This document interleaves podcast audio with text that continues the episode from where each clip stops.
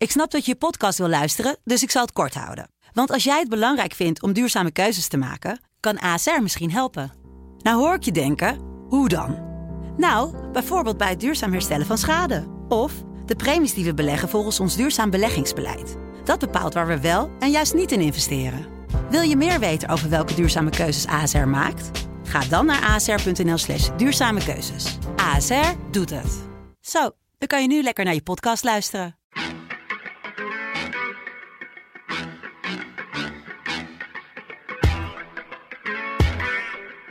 Dit is, dit is het land van Wierde. Een podcast van de Telegraaf met analyses op het nieuws die u elders niet hoort. Met Wierde en Robert Ophorst. Het is crisis aan de Pools-Wit-Russische grens en ook Nederland merkt daar de gevolgen van. Uh, een campagne voor leven en tegen abortus maakt woedende reacties los. En een voorstel om de Nederlandse vlag voortaan op te hangen in de gemeenteraadzaal van Amsterdam komt de hoofdstedelijke afdeling van de partij, hoofdstedelijke partij voor de ouderen op hoongelach te staan, moet ik zeggen. Daar gaan we het over hebben. We gaan het ook nog over hebben over een uh, nieuw opgerichte universiteit in Austin, Texas, voor academische dissidenten. Dat zijn academici die zich niet meer vrij voelen uh, onder het verstikkende woke-klimaat uh, op veel andere onderwijsinstellingen. Dat allemaal straks, maar eerst dit. De geur van ontsmettingsmiddel komt ons weer tegemoet. Zo, dat kun je in de, wel in de zeggen, Robert. Echt, is, tekenend alleen in mijn neus, maar het komt ook mijn neus uit. het is eigenlijk weer tekenend voor uh, de alarmfase 1 situatie waar we, waar we met, uh, met z'n allen weer in zitten. Ik zie al via een spatscherm. Het spatscherm is weer terug. Dat had natuurlijk nooit weg moeten eigenlijk. Maar uh, ja, de, de hygiënemaatregelen zijn weer wat aangescherpt uh, hier. Laten we even uit, uitleggen hoe deze studio er nu uitziet, Robert. Normaal gesproken zitten hier mensen en nu zitten wij met z'n tweeën. Want de techniek is ziek. Ja. Daar komt het eigenlijk op neer. Dus, um, hè, dus ook op onze redactie blijkt, zijn er gewoon mensen die overigens gevaccineerd zijn. Die ziek worden nu op dit ja. moment. En die corona krijgen. En uh, uh, we zitten dus eigenlijk weer in de situatie van voor de verlichtingen, ja. zoals het heet. Van vorig jaar uh, winter bijna.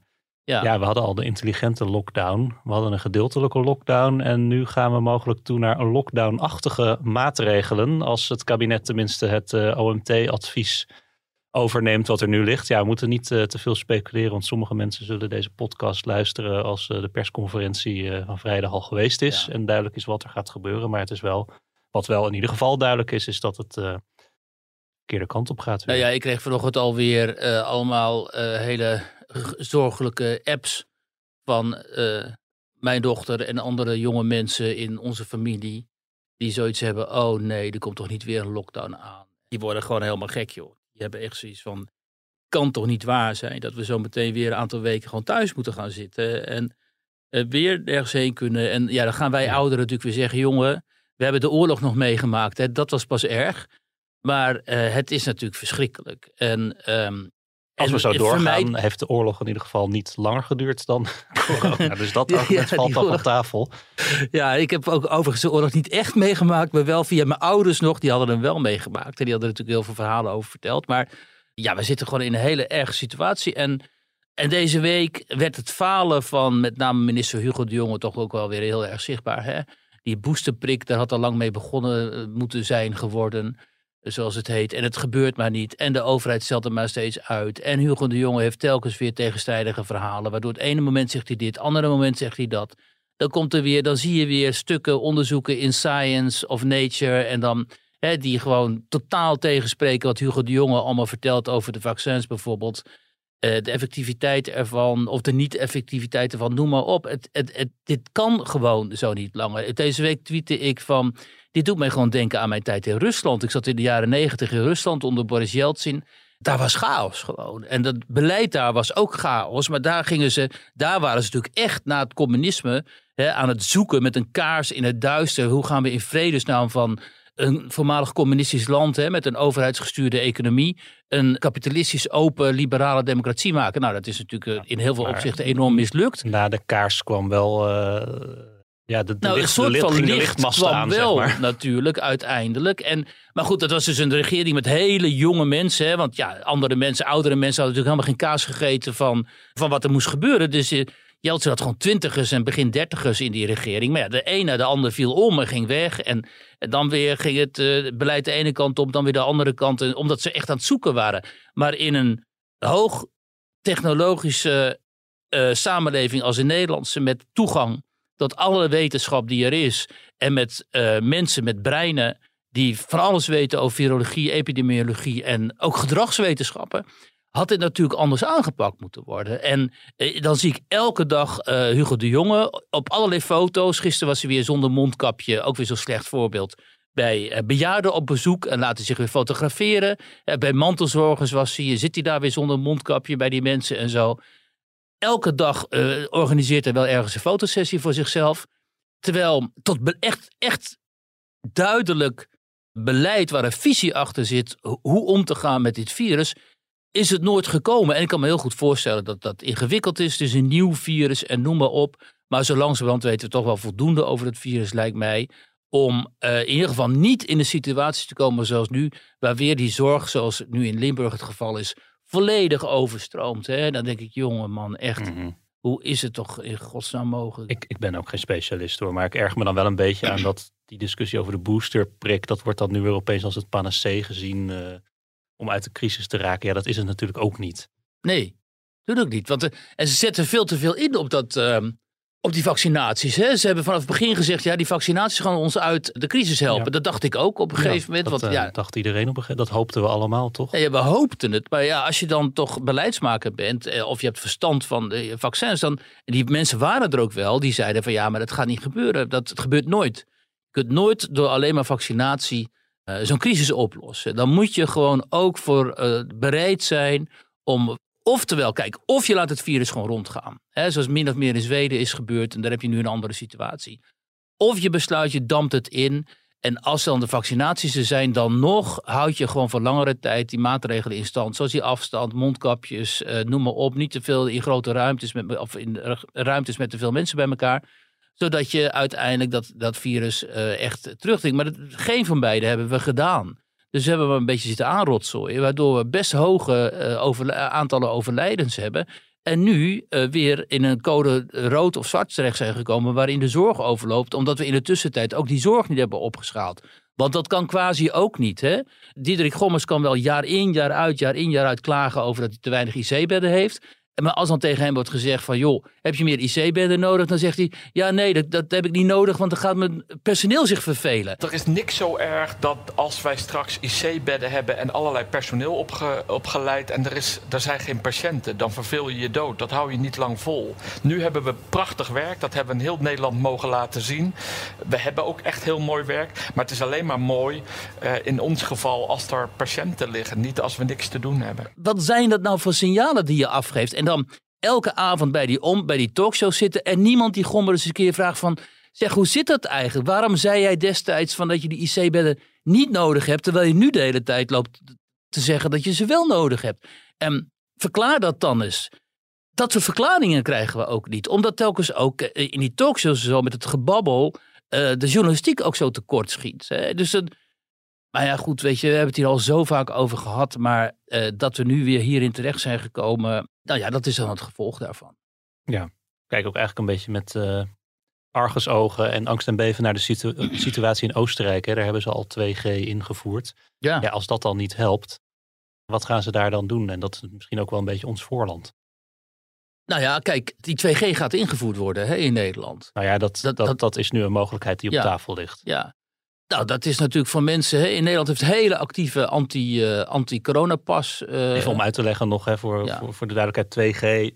Nu is het 3G, dus je krijgt een QR-code als je getest, genezen of gevaccineerd bent. En dan krijg je nog maar een groen vinkje bij ja. 2G als je genezen bent of gevaccineerd. Ja, en een, niet dus een, getest. een negatieve testuitslag is niet meer voldoende. Nee, dat komt er dus op neer dat mensen eigenlijk gedwongen worden ofwel om zich te laten vaccineren of niet mee te doen aan het openbare ja. leven. Daar kun je van alles over zeggen.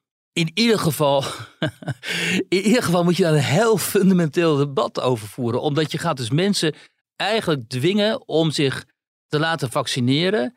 Of je sluit ze uit. Nou, al die mensen die tegen die uh, vaccinatiedwang zijn, die gaan natuurlijk zeggen: ja, zie je wel. We zijn als de Joden in de Tweede Wereldoorlog. Want die werden ook van het eh, openbare leven uit, uitgesloten. Die werden uitge, uitgezonderd. Mochten niet meer deelnemen uh, aan het sociale leven. En uiteindelijk uh, werden ze dus dan naar de kampen afgevoerd. Nou ja, dat is natuurlijk een idiote vergelijking, heb ik ook altijd gezegd. Alleen het principe erachter dat je hele delen van de samenleving uitsluit omdat ze niet eh, willen toegeven aan overheidsdwang op zo'n principieel punt als de aantasting van de integriteit van het eigen lichaam. Ja, dat is gewoon hoe dan ook een, een punt. Hè? Daar heb je filosofisch, ethisch, medisch, ethisch punt te pakken. En daar moet natuurlijk heel fundamenteel over gesproken worden. Is niet gebeurd. Nu, dat heb ik ook telkens gezegd, waarom gebeurt dat niet? Wat slecht. En hè, dat zou wel moeten. Nou, is niet gebeurd. En nu rollen we dus langzaam die 2G-samenleving in. Waardoor je deze mensen die al, hè, dat is eigenlijk al een soort van volksbeweging aan het worden. Hè. Dat zie je bij die demonstraties waar een Baudet spreekt en zo. En die Gideon van Meijeren, die mag dan de mensen opruien. Hè. Die, die zei laatst, even als zijpad, die zei laatst, we gaan ze allemaal veroordelen. en ze gaan de gevangenis in. Ja. ik lach erom, maar voor, zo, voor, dat meent die jongen dus. Hè? Je, ziet ook dus, wel vaak beelden en foto's. Hè?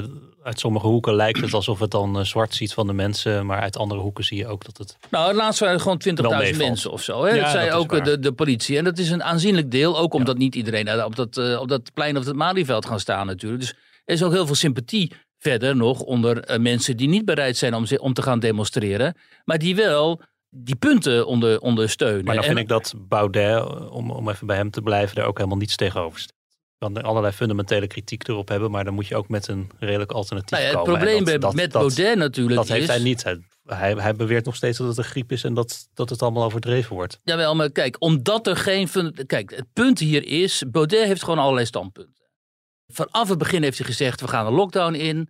We gaan naar een QR-code samenleving. We gaan naar een coronapas. We gaan naar de 2G-samenleving, enzovoort, enzovoort. Er werd telkens honend op gereageerd. Nee, natuurlijk niet. Allemaal onzin, complotdenken. He, Hugo de Jonge die zegt, het is geen sprake van dat wij een, voor een tweedeling in de samenleving gaan zorgen. Of dat mensen gedwongen zullen moeten worden uh, een coronapas te voeren. Of zich te moeten laten uh, uh, vaccineren. Het is allemaal uitgekomen.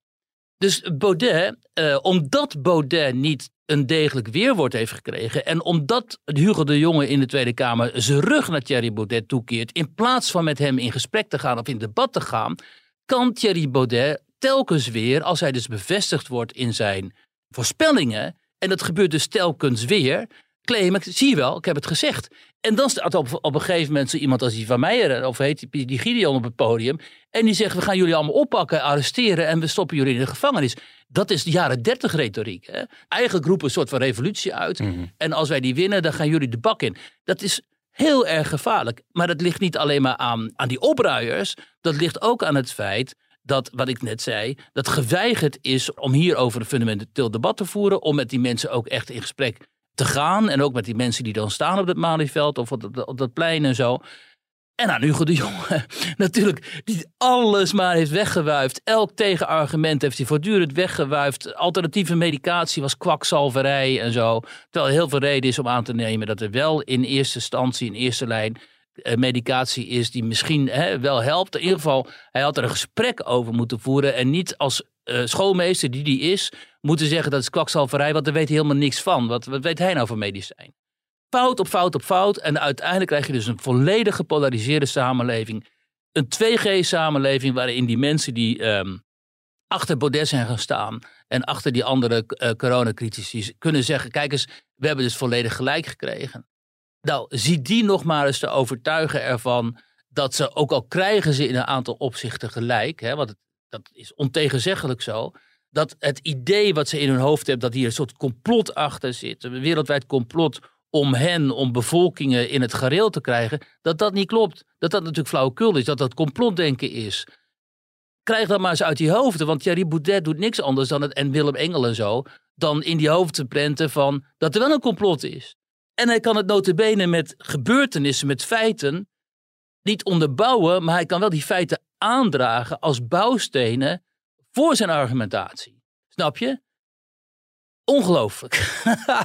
echt, echt, nu ik dit weer, weer hier zo vertel, denk ik, hoe is het toch? Waar zijn we wat dit betreft toch, wat zijn we hier slecht mee omgegaan? en ook de, de, de, zeg maar het, het commentariaat, zoals het heet, dus de mensen om die dan zo'n crisis beschouwen en daarover uh, commentariëren. Hoe weinig zijn er geweest die dit hebben blootgelegd, die met een soort helikopterblik erboven zijn gaan hangen en dit soort mechanismes hebben gezien. In de, in de heb je dan uh, Gustav Bessens, uh, die doet dat wel.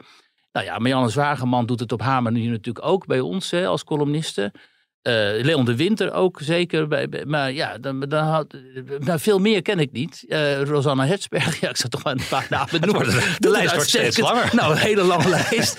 Nee, maar goed, goed maar dat er zo levendig gedebatteerd is, fundamenteel niet ook. Om maar een paar namen te noemen. Maar, um, maar de meeste kritische stemmen zijn natuurlijk ook gewoon uitgesloten van het debat. Dat is ook zo erg. Hè? Dat, dus gewoon redelijke kritische stemmen. Zoals die mensen rond Dick Bijl hè, en Ronald Meester en uh, Ad Verbrugge en zo. Het is gewoon een hele club van mensen, wetenschappers, redelijke mensen die kritisch zijn op dit uh, beleid. Die zijn vaak ook niet gehoord hè, of ze werden verdacht gemaakt. En de meest extreme stemmen in dit debat, dus Baudet en Willem Engel en zo, die worden wel gehoord omdat het ook clickbites oplevert natuurlijk voor media en zo. En dus het hele tussenveld van ook kritische mensen, maar die nog in redelijkheid met elkaar in gesprek zijn gegaan of wilden gaan.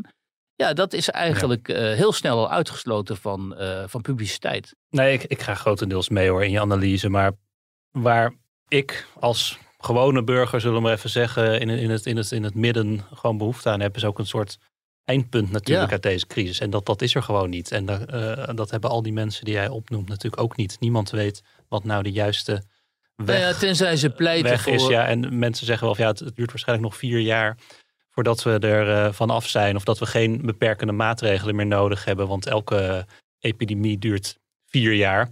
Ja, ja dat is natuurlijk niet een uh, fijn vooruitzicht. Ja, kijk, wij weten dat natuurlijk niet. Omdat we daar gewoon inhoudelijk te weinig verstand van hebben. Maar uh, dan krijg je weer van die berichten hè, dat in Portugal, zelfs in Spanje meen ik, dan... ja, daar gaat het heel relatief heel goed. heel goed. Ja. maar goed, Madeira werd geloof ik ook alweer uh, rood op de ja. Europese coronakaart. Dus het is natuurlijk ook maar voor zolang het duurt. En Kijk, tot, daar ben... de, tot daar de winter ook invalt misschien. Ja, precies. De herfst moet daar nog beginnen natuurlijk. Kijk, ik ben geneigd te denken, zo'n virus, hè, dat verspreidt zich altijd. Wat je ook doet, uh, uiteindelijk keert het toch weer uh, terug. Eventueel met de revenge zelfs. En uiteindelijk dooft dat hopelijk dan, dan uit. En kun je er ook misschien niet zoveel tegen doen. Maar ja, als dat zo is, dan zou je dat moeten zeggen. En dan zou je wat Rutte helemaal in het begin zei, in zijn eerste toespraak, moeten zeggen: oké, okay, we proberen groepsimmuniteit op te bouwen. we gaan laten het virus uh, min of meer gecontroleerd uh, rondgaan. Maar hou er rekening mee dat het merendeel van de mensen corona zal krijgen. Ja, en nu zitten we natuurlijk in een situatie uh, waarin je hoopt dat de vaccins toch mensen in ieder geval zullen behoeden voor ziekenhuisopname en IC-opname. maar uiteindelijk, wat ook wel mensen als Ernst Kuipers en zo geloof ik zeggen, gaan we natuurlijk allemaal geconfronteerd worden met het virus. Hoe dan ook, iedereen gaat het krijgen. En dan mag je maar hopen dat je er geen last van krijgt. Of niet al te veel last van. Maar we lopen natuurlijk allemaal tegen het virus op. Maar dat moet gezegd worden. Hè? En dan is het ook nog eens een keer zo dat je in het leven niet alles kunt controleren. Dus dat uh, sommige mensen helaas uh, eraan zullen komen te overlijden. Net zoals dat elk, elk jaar mensen aan de griep overlijden. Waarvan wij ook denken, hoe kun je nou aan de griep overlijden? Maar ja, er zijn grote aantallen mensen die daar aan doodgaan. En uh, misschien is dat wel de, de beste manier om naar dit virus te kijken. In plaats van de manier waarop dat nu de afgelopen de twee jaar bijna al is gegaan. Wie wil zien hoe uh, politiek cynisme er in de praktijk uitziet, die moet nu kijken langs de grens van Polen en Litouwen met Wit-Rusland. er is al weken een kat-en-muisspel aan de gang tussen hordes migranten die door Wit-Russische grensbewakers naar Polen worden gedirigeerd en Poolse troepen die dat uit alle macht proberen te voorkomen.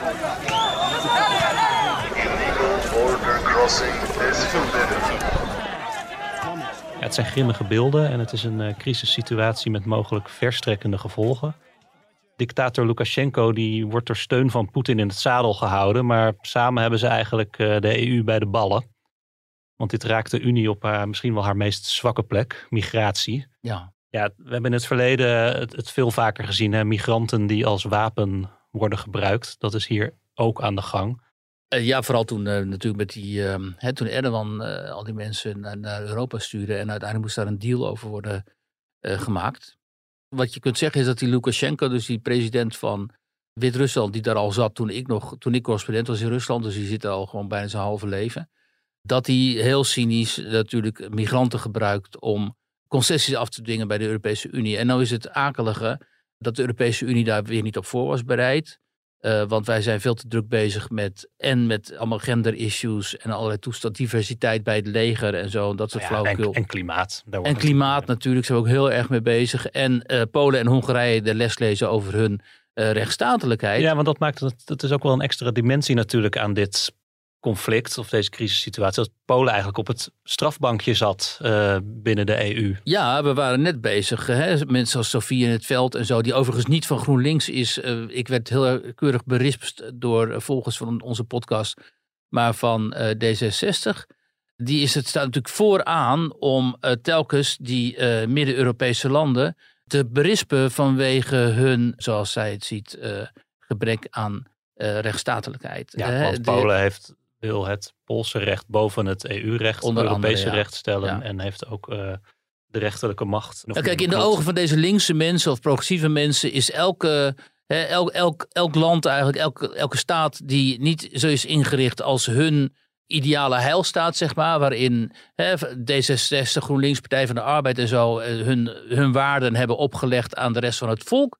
Dus waarin abortus ongeveer vrij is, euthanasie natuurlijk geregeld, hè, voltooid leven is geregeld, eh LGTBI tot en met Z eh, in het leger aan de, to- de top in handen heeft. Hè, dus gewoon transgender generaal, zoals tegenwoordig in de Verenigde Staten het geval is en zo. Dus al die hele ideologie die zij uit willen rollen, hè, en die zij voor een deel ook uitrollen in Nederland, dat zie komen we zo meteen nog wel op als we over in Nederland gaan hebben. Hè, maar die zij in Nederland ook hebben uitgerold eigenlijk. Hè, want de, 80% van de media, Hilversum, eh, universiteiten, onderwijs, noem maar op. eh, die huldigen eigenlijk diezelfde progressief-liberale globalistische ideologie. Daar heeft Thierry Baudet overigens ook groot gelijk in. En alles wat daar wat conservatiever in staat en zo, ja, dat verachten zij gewoon. Hè? Dat vinden zij dat is primitief, barbaars, verwerpelijk. En die, ehm, die ou- voormalige communistische landen in eh, Oost-Europa, eh, zijn in de eerste plaats zoals eh, Polen gewoon eh, heel conservatief. Want Polen is een heel katholiek land. Ja, als je daar komt, katholicisme is overal. En zijn heel blij dat ze eindelijk onafhankelijk zijn na zoveel jaar communisme. En die willen helemaal niet door mensen als Sofie in het Veld of Nee. Ursula von der Leyen of Frans Timmermans betutteld worden over hoe zij met hun hè, nieuw gewonnen vrijheid moeten Nee, omgaan. maar als er geld op te halen valt uit Brussel, dan staan ze wel gewoon met hun hand. Nou ja, dat is dus altijd het probleem. Ze zijn natuurlijk wel aangeschoven bij die club, de Europese Unie. Maar ze zijn destijds nu natuurlijk niet aangeschoven bij D66. En het probleem is dat de Europese Unie is een soort conglomeraat geworden van D66, GroenLinks, Partij van de Arbeid. Hè? En conservatieve krachten daarbinnen, die zijn gewoon veruit eh, in de minderheid, zeker in de Europese Commissie. Waardoor die, dit soort landen denken, ja, maar hier hebben we niet voor getekend. Wij tekenden voor hè, gelijk playing field, zeg maar. Maar we hebben niet ge- ervoor getekend dat mevrouw in het veld hier, of Frans Timmermans, zijn klimaatillusies komt uitrollen. Of iemand ons komt vertellen wat- dat we onze grenzen niet mogen beschermen tegen eh, eh, massa-immigratie uit de islamitische want- landen. Maar wat nu ook meespeelt, inderdaad. EU heeft aangeboden om eh, Frontex-soldaten daarheen te sturen. Dat zijn, dat zijn de grensbewakers. Dat aanbod heeft Polen afgeslagen. Ze doen het met hun eigen, eigen mensen. Nou, dat gaat. Journalisten worden daar weggehouden. Dus we weten ook niet precies hoe dat daar aan toe gaat. Onze correspondent Rob Zavelberg kwam wel eh, in de buurt, net als, eh, net als eh, andere verslaggevers. Maar ja, je ziet beelden van dat het er hardhandig aan toe gaat. Dat er ook illegale pushbacks plaatsvinden. Hè? Dus migranten die eenmaal de grens zijn gepasseerd, die mag je eigenlijk niet terugzetten. Dat gebeurt volgens sommige verhalen wel. En dat gaat mogelijk ook met, eh, nou, het gaat, niet, gaat er niet zachtzinnig aan toe als je die beelden Nee, maar ziet. luister, kijk, Polen wordt daar opgezadeld met een... Polen verdedigt onze buitengrens. Ja. Op dit We knappen moment. nu eigenlijk het, vuile werk op. Daar komt het op neer. Dus die moet het vuile werk opknappen. Dus die regering die wij zo bekritiseren... en hè, op een aantal punten eh, klopt daar ook eh, gewoon helemaal niks van wat zij doen. Maar goed, die regering waarvan links-progressieven vinden... dat dat eigenlijk helemaal kan helemaal niet binnen de Europese Unie in hun ogen... die moet daar even de kolen uit het vuur halen voor ons. Anders worden wij zo meteen overlopen door, eh, hè, net zoals in 2015. Maar wat jij zegt, we waren net bezig om die regeringen te sanctioneren. Hè? En die meneer, die premier van Polen, die heeft een tijdje geleden nog, stond enorm uit te halen naar de Europese Unie. Van zo van, jullie moeten mij niet de les lezen. Dit, Zo dit, krijgen- dit, dit- dit leidt tot een derde wereldoorlog. Ja, precies, Moesten we dan niet letterlijk nemen volgens hem, maar hij zei het wel. Ja, en nu moeten, gaan we er even boven hangen. Dus wat heeft die Poetin gezien de afgelopen jaren? Dit. Die heeft gezien van, er is een shift tussen eh, dit type West-Europese politici en de Europese Commissie en Oost-Europa, Centraal-Europa, waar hij nog heel veel sympathie ook ontvangt. Hè. Mensen als Orbán en zo, die vinden Poetin eigenlijk wel een toffe peer. Eh, bovendien is er binnen Centraal- en Midden-Europa natuurlijk een heel groot deel van de mensen dat gewoon hele goede contacten heeft met Rusland, maar ook heel goed eh, de Russische ideologie kent, de Russische cultuur kent. En ook precies weet met wat voor eh, cynische politici ze in Rusland te maken hebben. Dus voor hun, voor deze mensen, die denken heel anders. Die denken in macht. Die eh, Polen, hè, bijvoorbeeld, die in het verleden na- eh, heel lang hun eigen land niet meer hebben teruggevonden, want het bestond niet meer. Hè. Die, dat werd opgedeeld, Polen. En pas later kregen ze weer die Poolse staat terug. En Polen was toen alleen nog maar, zeg maar door de taal en door de religie, kat- katholicisme en zo bestond het. En in de cultuur, maar niet als nazistaat. Nou, die moeten dealen met die, eh, wat zij toch wel zien als eh, Russische dreiging. En met die druk vanuit Europa om zo te worden als dat zij niet willen worden. Ja. Althans, deze conservatieven in Polen niet. En die Poetin heeft dat natuurlijk gezien. Dus die, die is gaan drukken via die Lukashenko die hij nu gebruikt. Omdat hij Europa wil desta- destabiliseren. Want Poetin denkt ook van ja, weet je, ik krijg eh, vanuit het Westen alleen maar kritiek. Hè. In de Verenigde Staten worden heel veel com- complottheorieën opgebouwd. Hoe ik Trump aan de macht zou hebben geholpen. En zo het achteraf nu blijkt allemaal flauwekul is. Maar goed, dat, dat wisten wij destijds ook al wel eigenlijk. Alleen de mainstream media, zoals dat Die dan was heet. zo versot op die, Die ging dat massaal mee in dat verhaal. Omdat ze het zo fantastisch vonden dat die Trump dus de best friends was met Poetin. Wat helemaal niet waar blijkt te zijn. Maar dat zien ze natuurlijk daar in Rusland. En ze zijn Poetin en die minister van Buitenlandse Zaken, die eh, Lavrov, die zijn zo enorm door de wol geverfd. En die zitten dus al de- decennia zitten ze in dit vak. En die denken, mooi zo, we gaan eh, drukken. Maar wat is hier nou een, een oplossing? Want er wordt komende maandag wordt er eh, op Europees niveau vergaderd door de ministers van Buitenlandse Zaken. Er wordt gesproken over mogelijk sancties tegen extra sancties weer tegen Wit-Rusland. Bijvoorbeeld die Wit-Russische vliegtuigmaatschappij die dan die, die, die Ja. vlucht eh, regelt voor die migranten. Die halen, ze halen ze eigenlijk op in onder andere Syrië en, en vliegen ze naar eh, Wit-Rusland om ze daar de grens over te proberen te duwen. Dat zou een mogelijke weg zijn, maar wat is hier nou een goede weg uit deze crisis? Het enige wat je kunt doen als je met dit soort eh, machtspolitiek te maken hebt, is daar heel duidelijk tegenmacht tegen geven. Dat de NAVO gewoon bijvoorbeeld zegt van we gaan ook naar die grenzen toe. En we laten zien dat we eh, niet eh, een NAVO-partner Ja. laten overlopen door een of andere doorgedraaide eh, gek daar in Minsk. Want dat kun je over die Lukashenko wel zeggen. Dat is een En man, die- een tegelijk- man die vecht voor zijn leven eigenlijk. Ja, eigenlijk wel. Ja, voor zijn politieke overleven. En tegelijkertijd natuurlijk weer in het geheim, of eh, in ieder geval achterafkamertjes, contact zoeken met Poetin. En zeggen, joh, dit kan natuurlijk niet. Want we hebben zometeen allemaal te maken met China. Ja. Dat is een veel grotere bedreiging. En zometeen ga jij met China samen nog dat- escaleren tegenover het Westen. Maar dat is toch eigenlijk een, in die zin een heilloze weg als jij ook net uitlegt. En dat eigenlijk iedereen weet dat Poetin al vanaf het, bijna het moment dat hij eh, aan de macht kwam bezig is om het, om het Westen te Ja, destabiliseren. maar dat is niet zo. Omdat Poetin zocht in het begin, hè, toen kwam hij bijvoorbeeld naar de Bundestag, had hij een hele mooie reden in het Duits. Hij zocht, in het begin zocht hij gewoon samenwerking met het Westen. Sehr geehrte Damen und Herren, gerade eben sprach ich von der Einheit der europäischen Kultur. Dennoch verhinderte ihre Zeit diese Einheit nicht den Ausbruch zweier schrecklicher Kriege auf dem Kontinent. Alleen vanwege allerlei eh, redenen is dat dus compleet mislukt. Maar niet alleen eh, door Poetin, maar ook door, door het Westen. Bijvoorbeeld in die kwestie met Oekraïne. Dat het Westen gewoon eigenlijk Oekraïne, Georgië en zo binnen hun invloedssfeer eh, wilde trekken. Wat je gewoon, dat kun je niet doen. Als je met, met Rusland te maken hebt, kun je niet voormalige delen van het Russische Rijk en van de voormalige Sovjet-Unie binnen jouw invloedssfeer gaan trekken. Zolang het niet de Baltische landen zijn. Hè? Want die Baltische landen, dat heeft dan een uitzonderingspositie. Maar goed, je kunt natuurlijk niet zeggen Oekraïne, Georgië, weet je wat.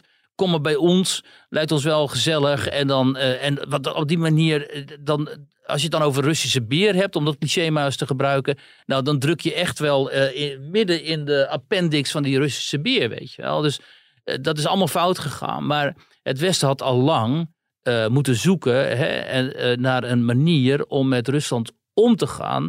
In de wetenschap dat Rusland een autoritair geleid land is. Dat het nooit een democratie zal worden. Dat je dus daarmee met mensenrechten en zo problemen hebt. Maar ja, de mensenrechten in China, eh, dames en heren, die worden op veel grotere schaal geschonden dan in Rusland. En we drijven met veel plezier handel met China. Hè? En eh, hoor jij ooit mensen iets zeggen over de Oeigoeren en zo? Ja, in de marge wel. Maar het is nooit in het centrum van het politieke debat over China. Terwijl in het centrum van het debat over Rusland staat altijd eh, hè, de persbreidel. En die ene, dat is dan hè, Sergei Navalny, die, die, die oppositieleider die dan weer gevangen wordt gezet en zo. Nou, in, in China heb je volgens mij eh, duizenden Sergei Navalny's waar we nooit iets over horen. Dus het Westen moet die hypocrisie afleggen en realpolitiek gaan bedrijven. Anders krijg je, als je dat niet doet, dan krijg je dit soort anarchistische politiek, zoals nu daar wordt bedreven aan die grens met Polen. En daar kunnen we al helemaal niet omgaan, hè, mee omgaan. Want dan krijg je dus uh, allerlei verontwaardigde mensen in Brussel die gaan zeggen: oh, oh, wat erg. En uh, oh, wat verschrikkelijk, die vluchtelingen daar aan de grens, hè, die, want die vriezen dood en zo. Wat ook heel erg is. Maar we hebben hier niet met vluchtelingen te maken. We hebben hier met mensen te maken die ticket naar Minsk hebben gekocht. En vanuit Minsk proberen naar Nederland te komen of om, naar Duitsland, omdat ze een beter leven willen hebben. En da, daar moet je ook eerlijk over zijn. Dus je moet uh, heel die, ideolo die, die retoriek hieromheen moet je veranderen. Je moet misschien uh, inleveren ook tegenover Poetin. Hè? En tegen, misschien wel zelfs tegenover die Lukashenko. Dat die, die sancties iets verminderen. En uiteindelijk hopen dat op de lange duur dit soort landen, uh, de bevolkingen van dit soort landen, uh, zoals in Wit-Rusland eigenlijk op een hele dappere manier gebeurde. Hè, tijdens die demonstraties en zo. Die mensen waren ontzettend dapper die de, die de straat op gingen tegen die Lukashenko.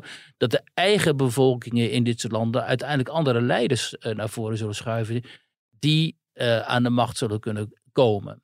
Maar ten eerste is dat niet onze taak om daar andere leiders aan de macht te brengen. We kunnen hoogstens die mensen moreel steunen. Het is onze taak om onze bevolkingen te beschermen. En dat is in de eerste plaats ook tegen het overlopen worden weer door hele grote groepen uh, migranten die wij sowieso helemaal niet meer kunnen huisvesten en niet kunnen herbergen en die ook uiteindelijk uh, onze samenlevingen zullen ondermijnen. In Nederland. Mijn zwangerschap, mijn toekomst? Bekijk het eens van de andere kant. Een ongeboren kindje verdient ook een toekomst. Een abortus ontneemt het kind die toekomst. Zullen we daarom werk maken van echte hulp aan moeder en kind? Kijk op weekvanhetleven.nl Ja, we hoorden een uh, fragment van een, een nieuwe reclame-serie. Of een, serie spotje, reclamespotjes. Sommige luisteraars zullen het misschien wel herkennen. Maar het is een, uh, een campagne van in het kader van de Week van het Leven. Er is een hoop om te doen om deze spotjes. Uh, columnisten die uh, in de pen schieten. Uh, op, op de radio werd erover geklaagd. Ik begreep dat er woensdag al bijna 700 klachten binnen waren gekomen bij de reclamecodecommissie. Ja, jij sprak deze week voor jou in Nederland met de drie vrouwen die het gezicht vormen van, ja, van in ieder geval de tv, de tv-reclames. Waren zij verbaasd dat dit zulke, zulke heftige emoties oproept. Deze ja, campagne. ik denk het wel. Moet even verduidelijken. Dit gaat dus om. Hè, Christ, dit is een campagne van christelijke groepen. Wordt ook gesteund door de SGP en ChristenUnie. Die zeggen: luister eens, uh, de praktijk van abortus in Nederland. Ja, die, die bestaat, die is zoals ze is. Maar wij willen erop wijzen dat ook die ongeboren kinderen uh, rechten hebben. En dat er uh, ook alternatieven zijn voor ab abortus. Hè, hulp voor die moeders en zo, of voor die zwangere vrouwen waar te weinig aandacht voor is. En wij willen daar dan via die spotjes en zo op wijzen. Ja. Nou, abortus is in Nederland een soort kernstuk waar je absoluut niet aan mag komen. Anders krijg je dus hordes woedende progressieven over je heen. Hè? In de vorm van Claudia de Brij of Tim Hofman of nog heel Lilian Ploemen, nog heel veel anderen. Die zeggen, uh, luister eens, deze discussie is afgesloten. Die hebben we ooit gevoerd abortus tot en met de 24e week is eh, legaal in Nederland. En iedereen die daaraan durft te tornen of er überhaupt een vraag bij durft te stellen, die gaan we cancelen. Dat wisten deze vrouwen van tevoren wel, want ze weten sowieso wel, omdat ze uit vrij zwaar christelijke milieus komen, dat het nogal ingewikkeld is om, als je hè, zo orthodox christelijk bent, en je komt van je mening uit, dan krijg je altijd heel veel kritiek, omdat het in Nederland heel makkelijk is om christenen te bashen. Hè. Daar hebben we een traditie in. Sinds de jaren zestig of zo worden christenen dus permanent gebashed, vooral uit VPRO-kringen en zo. Terwijl moslim, moslimbashen, dat, dat mag dan helemaal niet. Dat is altijd het hypocriete eraan, maar daar hebben we het zo nog wel over. Dus zij wisten wel waar ze aan begonnen, maar ze waren toch wel in dit geval wel verbaasd over het enorme aantal, hè, wat jij zegt, enorm aantal klachten bij die reclamecodecommissie. En dat niet alleen. Deze groep heeft dus dankzij crowdfunding uh, die reclamespotjes ingekocht. En wat gebeurt er bij 3FM? Dat volgens mij publieke omroep is toch? Ja, 3FM Mhm. is publieke omroep, betalen wij dus. Daar zitten dan van die bijgoochem DJ's, weet je wel, uh, bedweterig te doen. En dat spotje wordt daar afgedraaid. En er begint een van die DJ's gewoon overheen te schreeuwen. Zullen we daarom werk maken van echte hulp aan moeder en kind? Kijk op weekvanhetleven.nl. Van een tyfusreclame zeg. Ja, dat, is, dat kan je natuurlijk niet doen. Hoe de, hoezo denken die DJ's dat ze dat kunnen maken? Wat is dat voor ontspoord en grensoverschrijdend gedrag eigenlijk? Hoezo denken zij dat zij zo'n spotje waarvoor betaald is, hè, dat zij daar zomaar doorheen kunnen gaan schreeuwen? En dan nog, achteraf denken ze niet van, joh, ben ik misschien een beetje te ver gegaan? Nee, die ene jongen zag ik nog van, uh, ja, kan die reclame niet van mijn zender en zo, mijn zender? Want uh, dat past helemaal niet binnen de programmering en zo. Gaat hij daar dan over? Welke reclames er op zijn zender uh, komen, weet je? Dit is zo Nederland. Hè? Dit is in alle opzichten, en daarom wilde ik er ook iets over schrijven. Het is zo intens Nederlands om aan mensen met een conservatieve opvatting uh, het licht in de ogen niet te gunnen. Althans, hè, zolang, het, zolang het een christelijke Zolang het christenen zijn. Hè? Het licht in de ogen niet te gunnen, ze verdacht te maken, ze uit te schelden. Want ze worden gewoon uitgescholden. Hè? Ik, ik, zag zo'n columniste van het AD, die noemt deze meisjes dan Engerts en zo. Hè? En nou ja, ze gaan allemaal los in ieder geval. Uh, mensen moeten op Twitter maar eens even naar de reacties kijken. En wat mij dan zo opvalt, in dat, in, want ik ben met die meiden gaan praten. Ja, dat zijn gewoon hele redelijke jonge vrouwen. En die hebben inderdaad vanuit hun religie vooral opvattingen over abortus. En die vinden abortus gewoon niet zo'n goed idee. Ja, maar je zei het zelf ook al. Uh, een, deze campagne wordt deels georganiseerd door de SGP en de ChristenUnie. Maar dat zijn natuurlijk gewoon Nee, partijen. die sympathiseren ermee. Dus ze organiseren dat niet. Dat zijn excuus. andere christelijke clubs die het organiseren. Maar dat zijn twee partijen die wel in hun standpunt hebben opgenomen. dat ze de grens voor abortus omlaag willen krijgen. ja, na Dus- twaalf weken. Ja, en Ja. sterker nog, ChristenUnie streeft naar een abortusvrije samenleving, schrijven ze Ja. ook op haar site. Ja, maar dat mag je toch vinden. Kijk, ik, kijk, wat mij bevreemdt, wat mij eigenlijk altijd bevreemd heeft in Nederland. En dat is helemaal niet omdat ik conservatief zou zijn is, of zo. Is dat over hele droevige onderwerpen. Hele aan, aan, aan, aan mensheid, menselijkheid rakende onderwerpen als euthanasie en abortus. Op wat voor ongevoelige manier daar vaak over gedebatteerd en gesproken wordt. Alsof het een soort geboorterecht is wat mensen moeten dienen te verdedigen, want anders ben je dus gewoon niet goed snik. En op een hele harteloze manier wordt daar dan over gesproken. Hè? Terwijl het natuurlijk, eh, ik bedoel, levensbeëindiging, dat is niet niks. Hè? In Duitsland heb je bijvoorbeeld over euthanasie een hele goede, hele degelijke, diepgaande discussie. Want Duitsers vanuit hun geschiedenis vinden euthanasie natuurlijk een verschrikking, hè, in Mhm. principe. Waardoor je bij debatten zit en denkt van zo, dit is respectvol zeg. Hè? Je zou gaan tegen, of, eh, standpunten tegenover elkaar.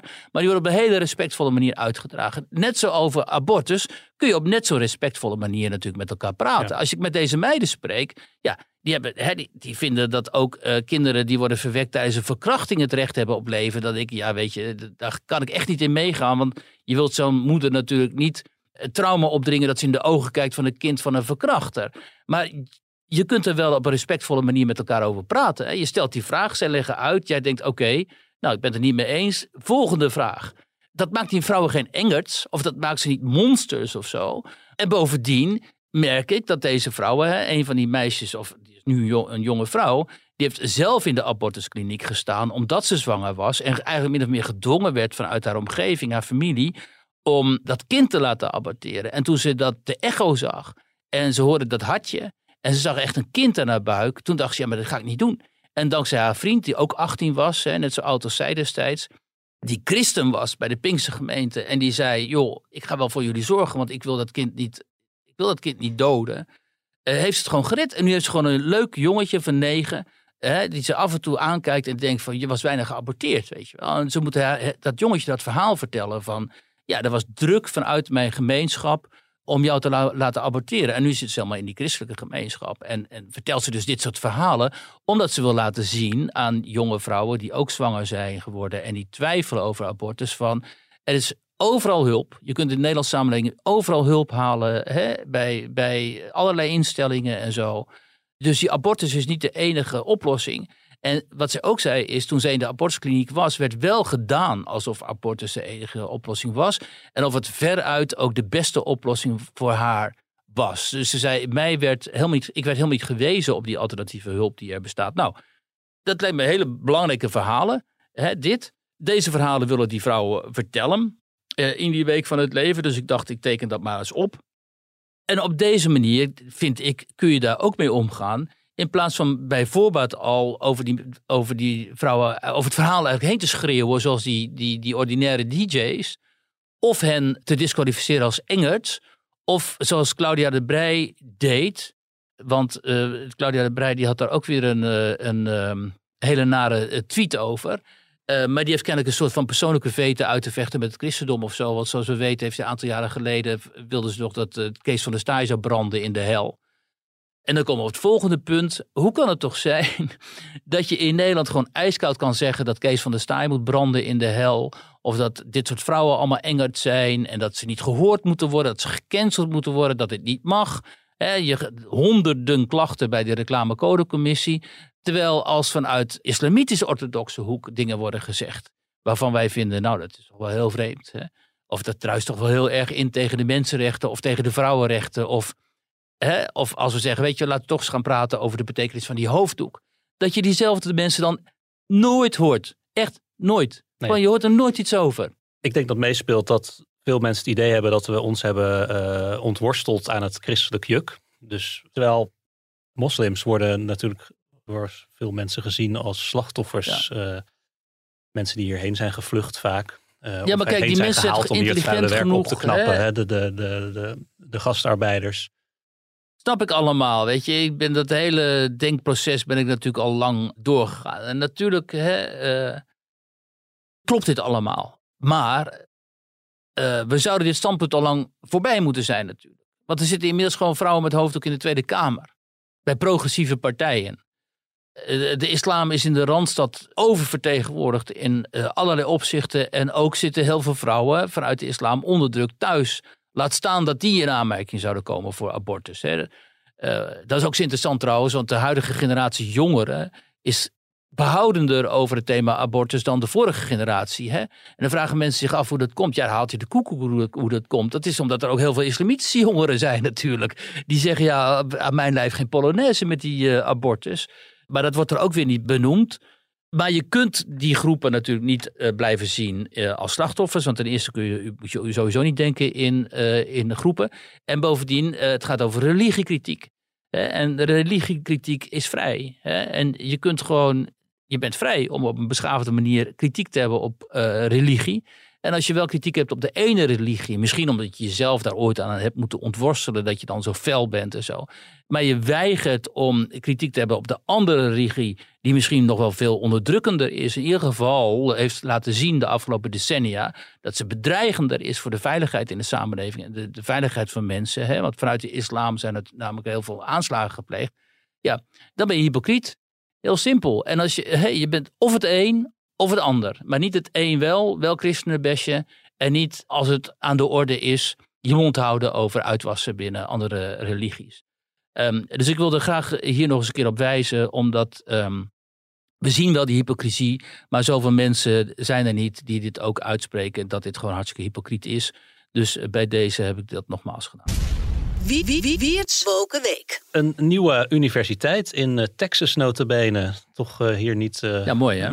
vaak niet gezien als het, het bolwerk van vooruitstrevendheid. Ja, maar Austin wel schijnt. Dat schijnt toch een soort andere mentaliteit te zijn daar. Er komt daar een, moet daar een nieuwe universiteit verrijzen die zich die eigenlijk een, een, een vrijplaats moet zijn voor ja, voor andersdenkenden binnen de academische wereld. En dan nou ja, andersdenkenden misschien... bedoelen ze, als ik het goed begrijp, mensen die uh, zich niet uh, klakkeloos willen conformeren aan het woke-denken. Nou ja, misschien wat je zegt, andersdenkenden, maar het gaat waarschijnlijk gewoon, de, althans in mijn opzicht, mijn ogen over wetenschappelijk denkenden en over de weinige kennelijk mensen in de Verenigde Staten die nog bereid zijn op een zuiver wetenschappelijke manier over de wereld na te denken, met elkaar om te gaan, met elkaar te debatteren en uh, elkaar standpunten tot zich te nemen. En, um, hè, en het leuke is dat aan deze nieuwe universiteit in Austin een heel aantal uh, ontzettend interessante mensen zich heeft uh,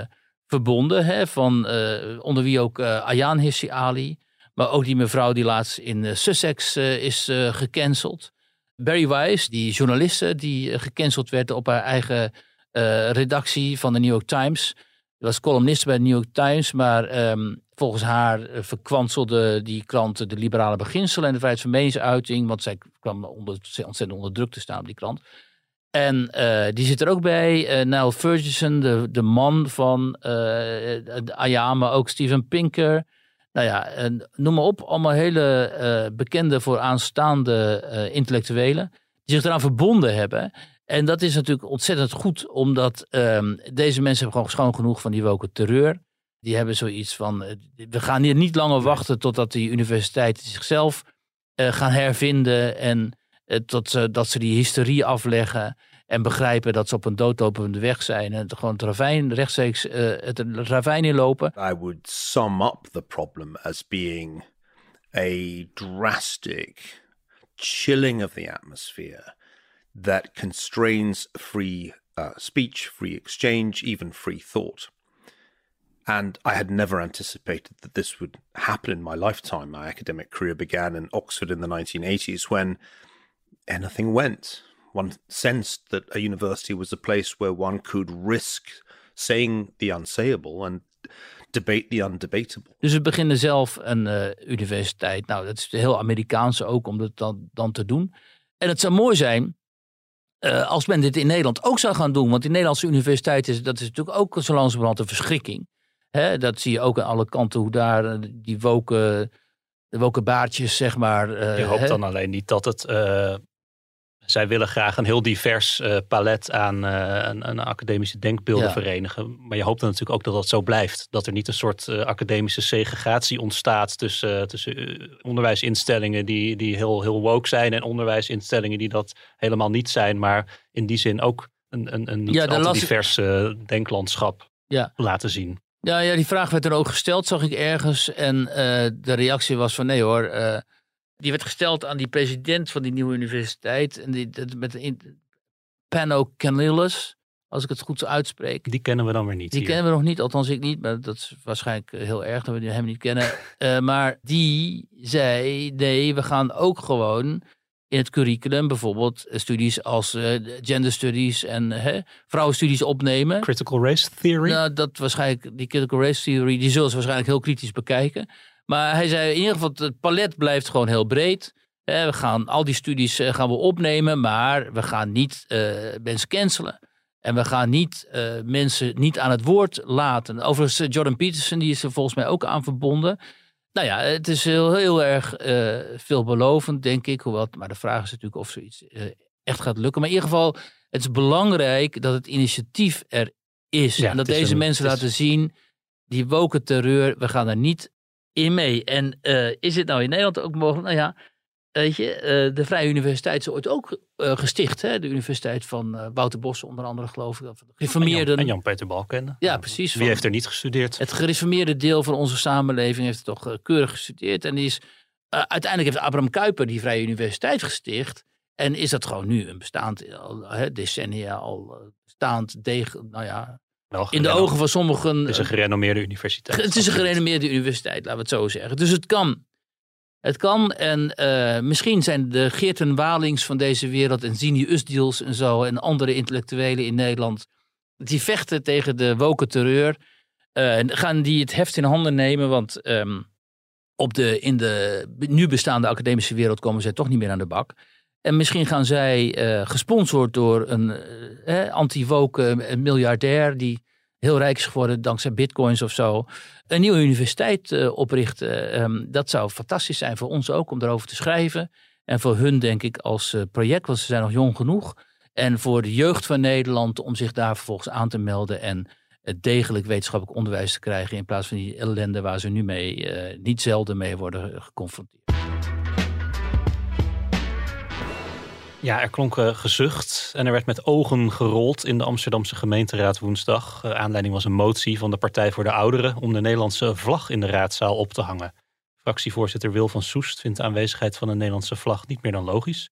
Hij hangt niet alleen in de Tweede Kamer, ook veel andere gemeenten hebben dit voorbeeld gevolgd. Dus waarom Amsterdam niet? Nou, daar lijkt weinig animo voor, constateerde onze verslaggever eh, Daniel van Dam. Die schreef er een stuk over. D66 is, is er tegen. Bij één vindt het onzin. SP, idem dito. Jij wilde het hier uh, tot slot nog even over hebben, omdat dit uh, tekenend is, denk ik, voor... Ja, voor, voor Wokum. Hè? voor Wokum, um, zoals ja. Amsterdam soms Ja, maar dat, wat mij dan ook wel weer verbaast, er wordt over de meest krankzinnige futiliteiten daar gedebatteerd. Maar als er dan zo'n voorstel, motie komt voor zo'n vlag, waar je het inderdaad mee eens of niet mee eens kan zijn, dan wordt er gedaan alsof het een soort tijdsverspilling is. Ja. Ja, Amsterdam is toch de hoofdstad van Nederland. En dan zou je verwachten dat daar ook ergens de Nederlandse vlag, zeker in die gemeenteraad, staat. Hè, liefst wappert. Maar ja, en dat Hier er niet, wappert. Ja, het wappert. En dat er niet op zo'n uh, vol dédain, vol minachting uh, op zo'n voorstel uh, wordt gereageerd. Maar ja, dat is natuurlijk, natuurlijk typisch voor die huidige gemeenteraad van Amsterdam die vinden van zichzelf dat ze helemaal niet eigenlijk deel maken, uitmaken van Nederland. Ik geloof dat ze Nederland maar een soort, ja, ja dat vinden ze maar hè, lastig. Zij zijn het Onderontwikkeld uh, Ja, dat, kijk, kijk natuurlijk met een verrekijker naar Friesland of de Achterhoek of Limburg en denken, wat zijn dat voor barbaren daar, hè? Uh, die moeten wel helemaal worden opgevoed in het uh, ons progressief linkse denken. Het Amsterdam buiten de ring mag er nog net bij, maar eigenlijk is dat al... Ja, zelfs dat is al, ja precies. En, dus die zien zichzelf als een soort woke paradijs. En daar hoort natuurlijk de Nederlandse vlag niet te horen. Een regenboogvlag of weet ik veel, Black Lives Matter vlag of zo. Of Palestijnse vlag kan natuurlijk ook. Maar niet de Nederlandse vlag, want die associëren deze mensen natuurlijk met... Hè, uh, nou ja, misschien, misschien zelfs wel vaderlandsliefde of conservatisme en zo. of misschien wel met het Koningshuis en zo, of al die dingen. Pro-life, anti-abortus. Ja, ja, anti-abortus. En, uh, dus het is natuurlijk wel weer heel opmerkelijk dat dit uh, in, die, in die raad zo gaat. Maar ja, uh, ik bedoel, het was volgens mij de huidige minister Ollongren die ooit zei over Amsterdam dat de mogelijkheid, toen was zij nog wethouder daar, dat um, de mogelijkheid moest worden overwogen om de Republiek Amsterdam uit te roepen. als het allemaal te gek werd in de rest van het land. Wat op zichzelf een heel goed idee was. Dus ik kan deze gemeenteraad het advies meegeven. Weet je wat, roep gewoon de Republiek Amsterdam uit hè, met, met je eigen vlag. En dan, zijn, uh, dan is de rest van Nederland hiervan verlost. En dan zijn jullie verlost van de rest van Nederland. Maar dan ook geen geld meer uit uh, Den Haag. Ja. En dan moet de hoofdstad gewoon naar Den Haag inderdaad. Nou Wiert, ik uh, dank jou weer hartelijk. We zetten de deur weer open en voor de frisse lucht. Nou, we gaan het vrijdag zien wat er Volgende week vanuit quarantaine. Volgende week vanuit, bij u nou, thuis. Vanuit, vanuit een milde lockdown, hopelijk niet. Maar we gaan het zien. Dankjewel. En alle luisteraars ook weer bedankt voor het luisteren. En tot volgende week. Dankjewel.